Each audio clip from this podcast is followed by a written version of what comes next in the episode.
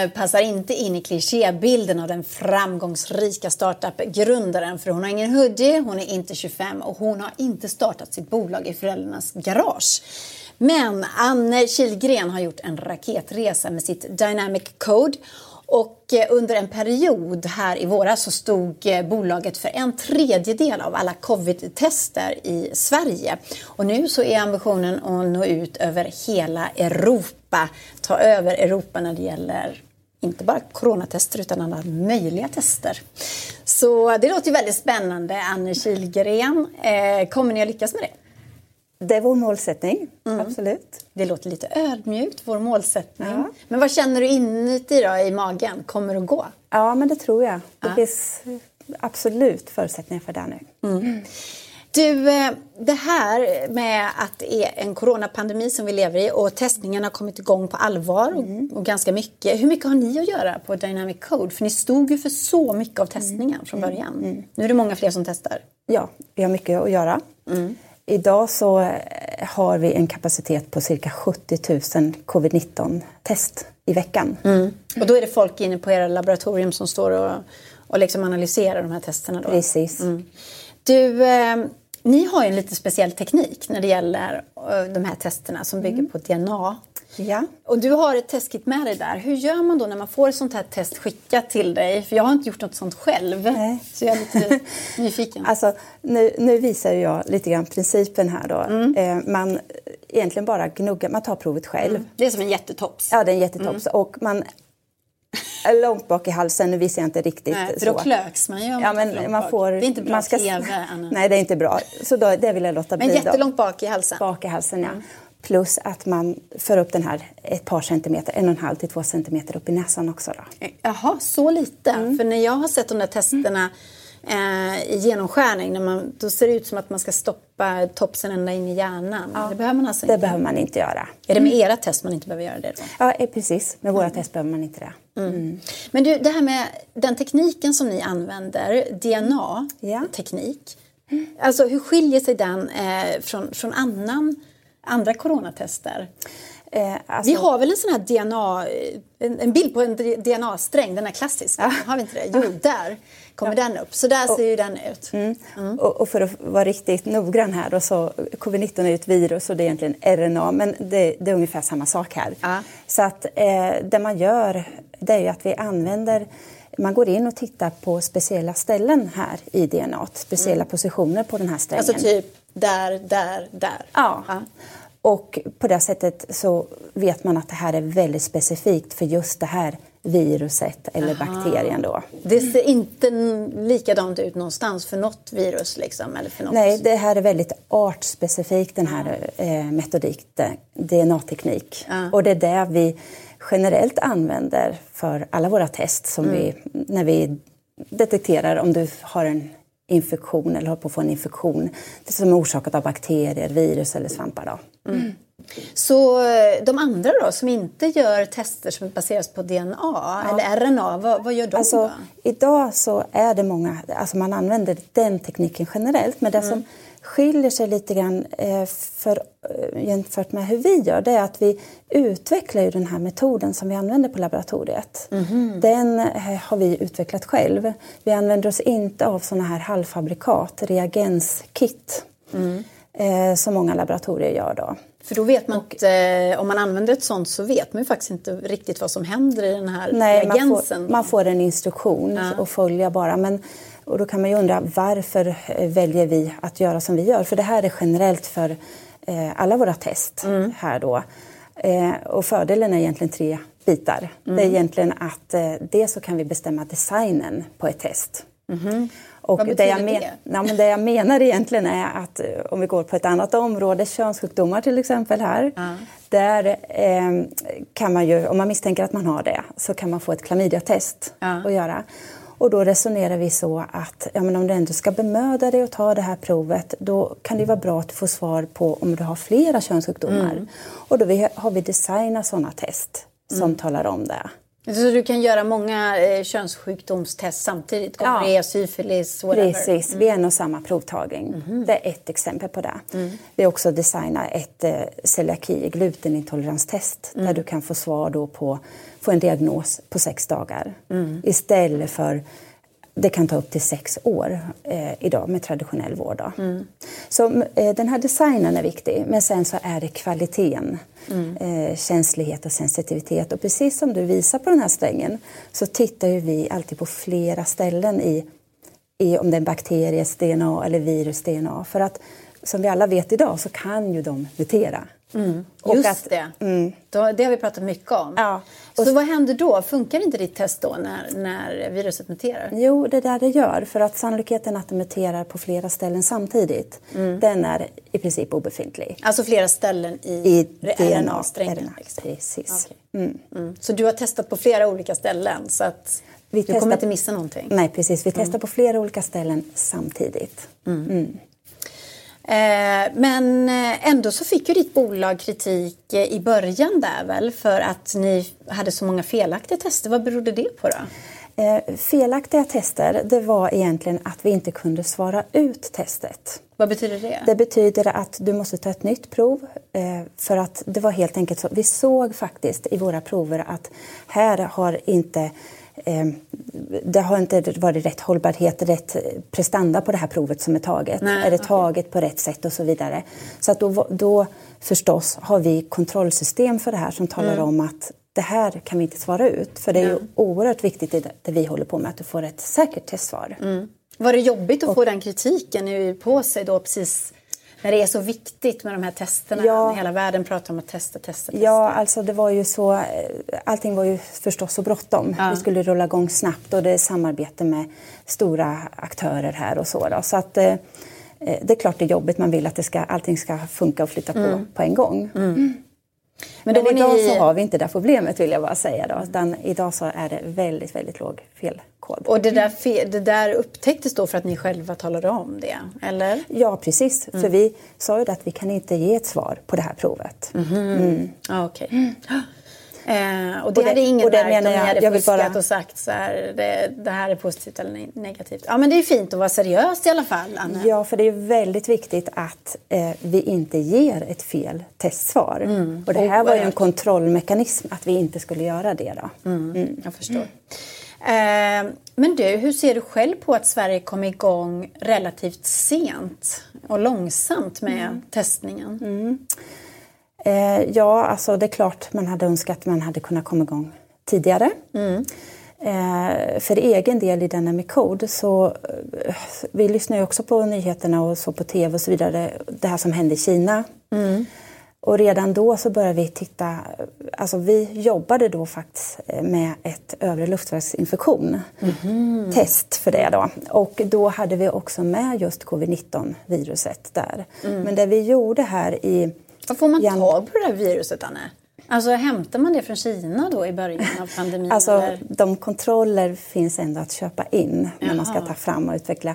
Så det vi gjorde i, där i januari, februari någon gång, då började vi faktiskt att vi tog loss covid-19-testet och enbart utveckla det testet då. Ah, mm. okay. Så där satt ni då och hade ett, ett test. Var du frustrerad över att ni inte kunde börja använda det fortare, snabbare, mer? ja, vår frustration, en viktig del när vi tar fram ett sånt här test är ju också att vi så att säga validerar det. Och både mm. provtagningen som vi tittar på här nu, att eh, man tar provet själv så. Mm. Även den delen ska valideras och då måste vi göra det med, eh, från riktiga patienter som tar prov på sjukhus och så. Då. Mm. Så även den delen tog lite tid tid men vi hade det här uppe i maj, juni var vi redo mm. för att testa. Mm. Du, tycker du att det borde testas eh, ännu mer? Vi pratar ibland om eh, snabbtester. Jag har en, eh, en, en god vän i, som jobbar på ett äldreboende i Göteborg och är chef där. Och eh, de snabbtestar ju sin personal mm. Eh, varje vecka. Och hon säger vi plockar ju två, tre mm. ur personalen som har corona mm. utan att de har minsta symptom. Och det där tycker jag är lite mm. läskigt med de här asymptomiska eh, smittbärarna. De, de, var på väg in på jobbet till äldre personer ja. och de fångades tack vare ett test. Så borde vi testa ännu mer tycker du? Alltså inte bara för att du ska tjäna pengar men... Nej, absolut inte så. Utan, men det, det är ju rätt så att vi behöver, tror jag, testa mer. För att jag kan bara reflektera hur vi har gjort på Dynamic Code från mm. början. Även ifrån maj där börjar vi testa all vår personal. Mm. Och det gör vi regelbundet, minst en gång i veckan. En gång i veckan? Ja, mm. minst. Mm. Eh, och då ser vi ju där att det finns, vi, vi upptäcker ju flera fall så här att du är så att säga positiv, du har covid-19 mm. fast ingen symptom. Mm. Så att det där är det också skrämmande många på er arbetsplats då?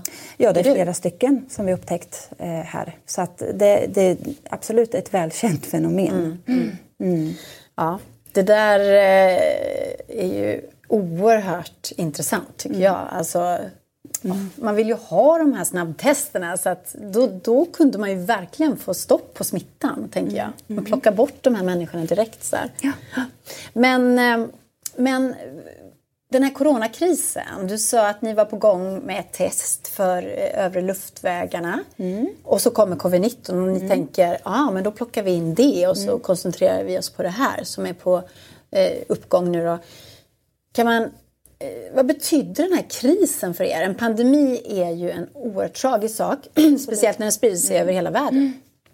Men vad betyder coronakrisen för, för ert bolag? Mm. Eh, nej men för oss så har det också betytt ett proof of concept. Alltså både vår teknik och idé mm. har vi fått en acceptans och förståelse. Och det här funkar verkligen och hur vi har skalat upp det. Mm.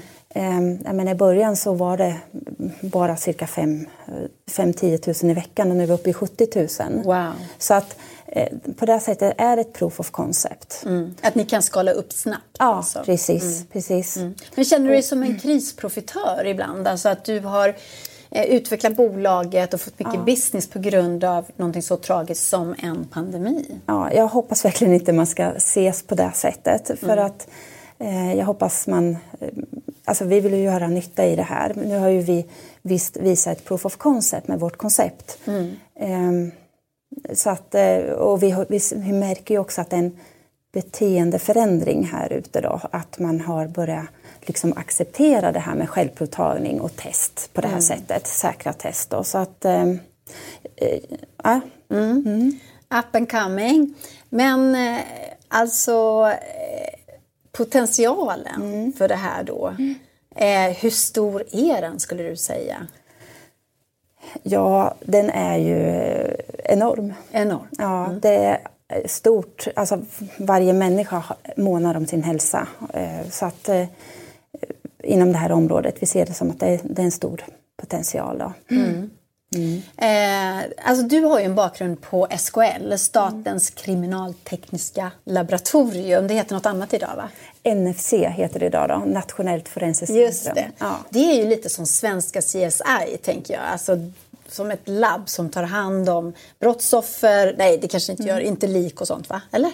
Gör ni det? Eh, nej, det är nog eh, CSI där. som gör det. Ja, precis.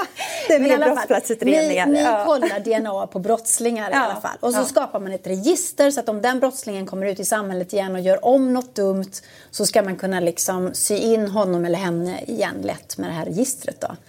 Eh, så, så där satt du och jobbade och eh, tänkte då alltså wow, det här kan man använda till någonting mer. Eller var det så som hela idén startades? Eh, Absolut. Alltså jag var ju med och tog fram den DNA-teknik som man använder i rutin idag då, till just brottsplatsutredningar och så. Mm.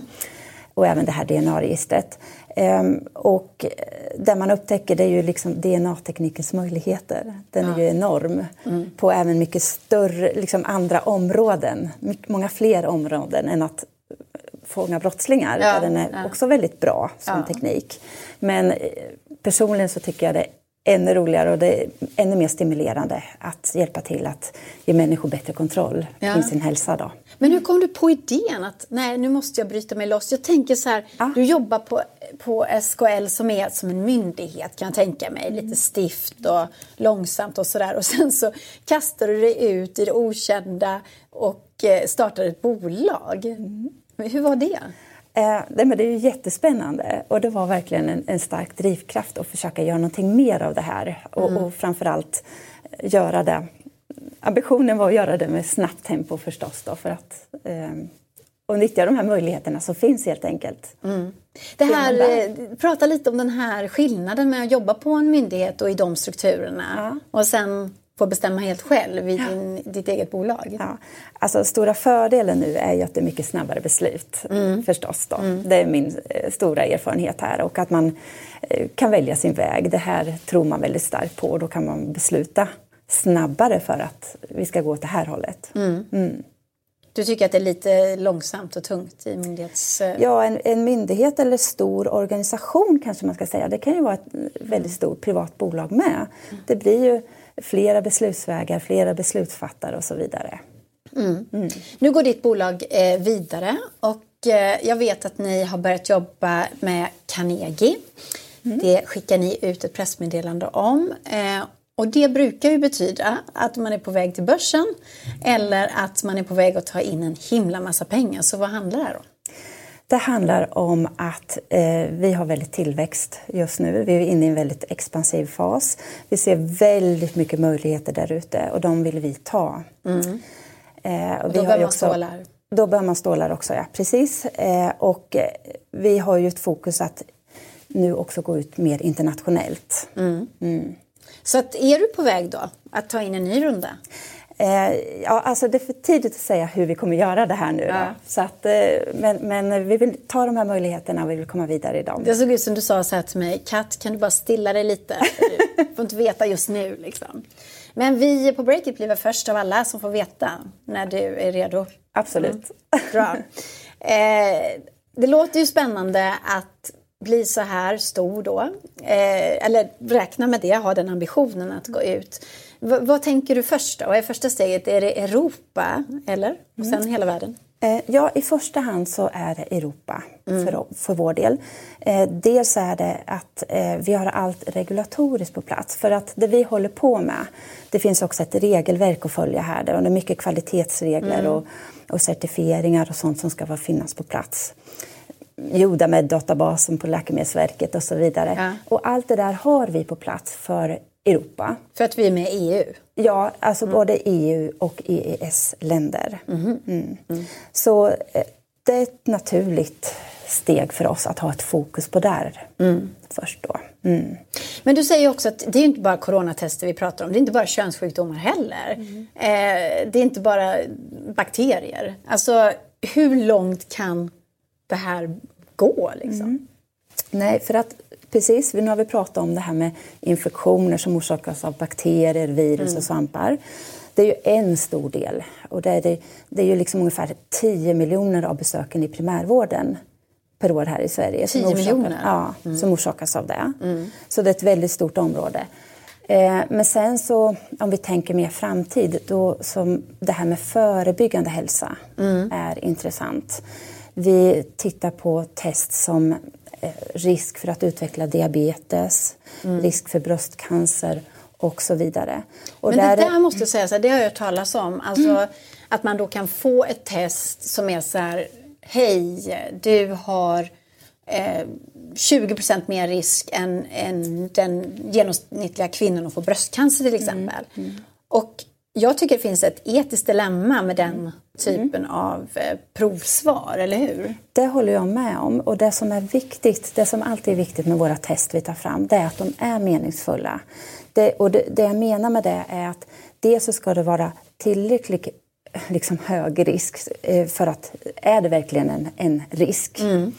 Eh, men sen det viktiga är ju också vad kan man göra åt det mm. om man får ett sånt här testsvar. Jag menar, risk att utveckla Alzheimers, 17% högre risk än normalbefolkningen. Mm. Vad ska man göra åt det egentligen? Det mm. tycker jag inte är ett meningsfullt test då. Mm. Utan, För att det inte finns så mycket svar på det, vad man kan göra? Nej, precis. Eh, om vi jämför bara med kring diabetes och så, där, där kan man ändå vägleda att du ska framförallt minska BMI och mm. med kost och träning och sådana här saker då som så där menar du att där finns ett svar. Där så här, här får du ett svar, du har mycket högre risk än alla andra att få, få diabetes. Så därför kan du göra så här och så här så kanske du inte får diabetes. Precis, precis. Mm. Att man mer förebygger, så mm. man motverkar att man inte blir sjuk helt mm. enkelt. Ja. Men du menar att det, ska bara, det passar bara vissa diagnoser då för att de andra blir bara leder bara till att man blir orolig och rädd för att man ska drabbas av den här sjukdomen som Alzheimers till exempel. Precis, det måste finnas en så börjar man redan i 30-årsåldern och oroa sig för att ja. man kommer få Alzheimers. Ja. Det är lika bra att låta bli. Nej, det, det, det vill vi hålla oss borta ifrån då. Utan, ja. eh, det är viktigt med den här meningsfullheten, att det ska finnas någonting att göra här då. Mm. Men jag menar, många bolag går ju all in på det här. Här mm. kan du få hela din DNA-karta och sådär. Är det någonting som då som du eh, ser ner på och inte riktigt respekterar den typen av bolag? Eller hur tänker du där? Alltså, nej men det jag tänker, det viktigaste är egentligen vad får jag för typ av svar? Mm. Och vad, kan, vad ska jag göra med det här svaret? Mm. Det kort sammanfattat. Mm. Ja. Men du skulle inte tipsa mig om att lägga pengar på en DNA-karta som berättar om allt möjligt? Nej, egentligen inte. Nej. Nej. Eh, du... Eh, vi ska väl ha några tittarfrågor också. Du har så otroligt mycket eh, spännande att berätta. Men... Eh, det, det, jag också bara kan få lägga till ja, till förra punkten. Ja, det är det här eh, alltså wellnessområdet. Ja, just det. Ja. Det måste vi gå in på också. Ja, mm. alltså där är det ju mer för att motivera.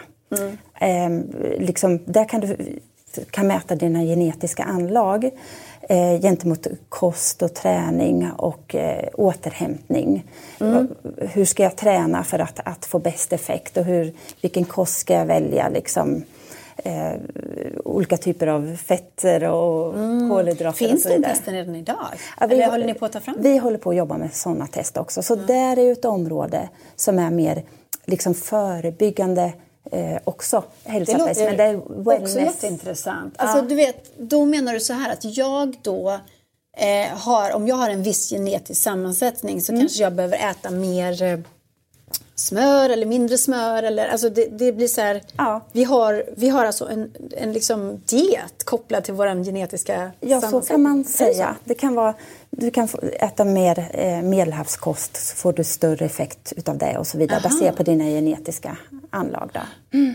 Det tror jag kommer bli en storsäljare om du får ut det här testet, mm. eller hur? Mm. Det låter ju ja, men Det är ett väldigt spännande område. Är det. Ja. Mm. Ja.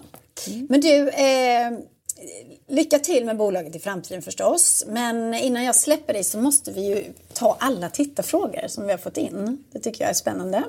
Eh, är du beredd? Ja. Mm. Josefin undrar, jag tar dem i den ordningen de kommer in bara frågorna. Eh, hur kom du i kontakt med dina investerare? Och vilka hur var det? eh, alltså, eh, dels har vissa kontaktat oss själva, Jaha. men sen så har ju vi, jag menar, som du här nämnde, samarbetet med Carnegie är ju också mm. ett väg att eh, komma i kontakt med investerare. Men började du med egna pengar menar du då? Eh, absolut också. Mm. Eh, men sen eh, en liten del där, men, men det var ju liksom där nyföretagarlån och sådana här saker mm. som vi började mm. vår resa med. Då. Mm. mm. Eh, och eh, en fråga här från medieentreprenören. Jag antar att det är någon medieentreprenör på min egen redaktion för det står så här. Vad tycker Ann Kilgren om Breakit? Toppen. Tack för det. Klas78 undrar, eh, finns det någon nackdel med att driva en startup från Linköping eh, jämfört med exempelvis Stockholm? Tror du?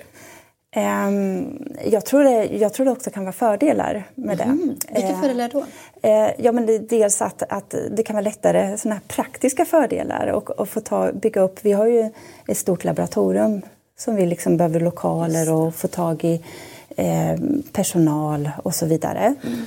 Eh, sen tror jag, alltså i nuläget så tror jag inte det är så stora nackdelar för det, de flesta mötena sker ju via Teams också idag. Mm. Annars är ju egentligen, ja vi åker, vi får ju åka till Stockholm men det går ju också smidigt. Ja det tar inte så långt. Nej. Mm. Men just att lokalerna mm. måste vara mycket billigare i Linköping än i Stockholm. Ja det finns ju en sån mm. eh, Lönen också, också kanske?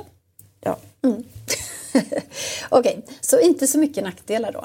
Men känner du inte att det eh, skulle vara roligt att vara med mer i smeten eh, bland eh, investerare? Så här, du får ändå, det är de som kommer till dig så du behöver liksom inte frottera dig på Stureplan eller sådär? Med... Eh, alltså, det ligger inte för mig riktigt att frottera mig på Stureplan men, men eh, ja, så är det. okay. Vilka entreprenörer inspirerar dig undrar Eva? Eh, egentligen de som kommer liksom tänker out of the box. En mm. helt ny idé, oftast liksom en enkel lösning på någonting som liksom, det här har vi inte kunnat lösa på ett tag och så kommer en sån här enkel lösning som mm. man tycker varför kommer man inte på den där? Liksom. Då är du inspirerad av dig själv då kan man säga. Men har du någon eh, framför ögonen? Som... Eh, oh, det är svårt att komma på någon namn här och nu men eh, Nej. Ja. Nej, vi hoppar det. Men eh, hör av dig eh, sen och berätta. Jag ja. tycker då, det kanske är någon som kan komma hit och, ja. och eh, vara gäst. David undrar vilket bolag skulle Ann Kihlgren vilja investera i om hon hade typ 3 miljoner? Det var ganska självklart att du skulle investera i ditt eget. Ja, det... Men säg att du inte får investera i ditt eget då. Finns det något annat bolag som du har haft ögonen på som du tycker är spännande? Ja. Eh, nej, men jag tycker ju de här bolagen som också följer med den här digitaliseringen eh, mm. och inom det här områdessegmentet som vi är i, eh, mm. hälsa och så. Det är ju som Meds nu som vi pratade om tidigare i programmet, eller Apotea? Ja, Apotea mm. och, och, även, eh, nu glömde jag bort namnet här, men Natural Cycles ja. är ju superintressant Just också det. tycker jag. Mm. Mm. Eh, nyfiken eh, undrar så här, hur var det att jobba på SKL? Var du med och faktiskt löste brott? ja, det var jag faktiskt. Mm. Eh, jag jobbar inte bara med själva analyserna utan även eh, var med vid rättegångar och så för att förklara bevisvärdet då vid de här, vad, har de sagt de här DNA-analyserna vi har gjort och så vidare. Så att, eh, Oh, ja. nu blir jag intresserad. Alltså, så då sitter du då med, med brottslingen vid ena sidan och så är du vittne och sitter längst fram? Ja, man blir kallad som sakkunnig heter det mm. då för att berätta vad har vi gjort i det här ärendet och vad är det för bevisvärde vi har fått fram och, och så. Då. Så bevisvärde kan vara lite lägre och lite högre? Liksom. Men så är det. Mm. Mm. Var får man fram det bästa DNA från då? Alltså, eh, det är ju ifrån sådana här kärnförande celler som vi har eh, i blodet, saliv och ja. vaginalprov och sperma och så vidare. Liksom, där. Det är bäst? Eh, ja, och sen hänger det på vart har det befunnit sig det här spåret som man mm. letar efter. Mm. Men ibland i filmer och sådär så ja. ser man ju att någon liksom försöker få tag på ett DNA test liksom genom att så här, de sätter fram ett glas och så kommer de och hämtar det där glaset sen. Ja. Och så tar de det till labbet. Ja. Räcker det att ta ett glas för att du ska kunna mäta ja, av DNA? Framförallt om du har druckit ur glaset med så räcker ja, ja. det absolut. Det finns lite... Ja. Aha, okay. Så det brukar räcka. Vad, ta, vad gör du med ett glas då? Sveper du hela glaset? Eller? Nej, utan där man har druckit ur det. Man, man, man får ta alltså, med läpparna då eller? Anti, mm. om, man, om man ser vart man har druckit, mm. annars får man egentligen svepa ja. hela sidan. Ja, ja vad spännande. Okej, okay. Ankan undrar, eh, är det svårt att nå ut som medtechbolag? Eh, för, alltså förstår folk vad, vad ni har för produkt, vad ja. ni vill säga? Ja. Nej, det där kan ibland vara en utmaning. För mm. det här hur vi kan kommunicera eh, kring våra produkter. Hur, hur det fungerar och att det faktiskt många gånger kan vi ha eh, test som är eh, faktiskt bättre än det som finns i sjukvården. Och det är, klart, mm. det är svårt att, att också kommunicera. Mm. Så vad vill du göra åt det då? Det är någonting som vi jobbar med kontinuerligt. Mm. Hur ska vi eh, jobba med det då? Och, men det är ju lite så här att det är därför så viktigt för oss att få sån här proof of concept också. Mm. Jag tänkte det vi mm. pratade om tidigare när vi pratade om glutenallergi ja. eller överkänslighet. Mm så sa du eh, till mig tidigare igår tror jag när vi pratade att, att det kunde ta sex år ja. att få en sån diagnos i den vanliga vården. Mm. Eller hur? Mm. Det låter ju helt mm. vansinnigt. Ska man gå då med det här, de här problemen i mm. sex år utan mm. att veta om det? Hur lätt hade det mm. kunnat lösas, skulle du säga?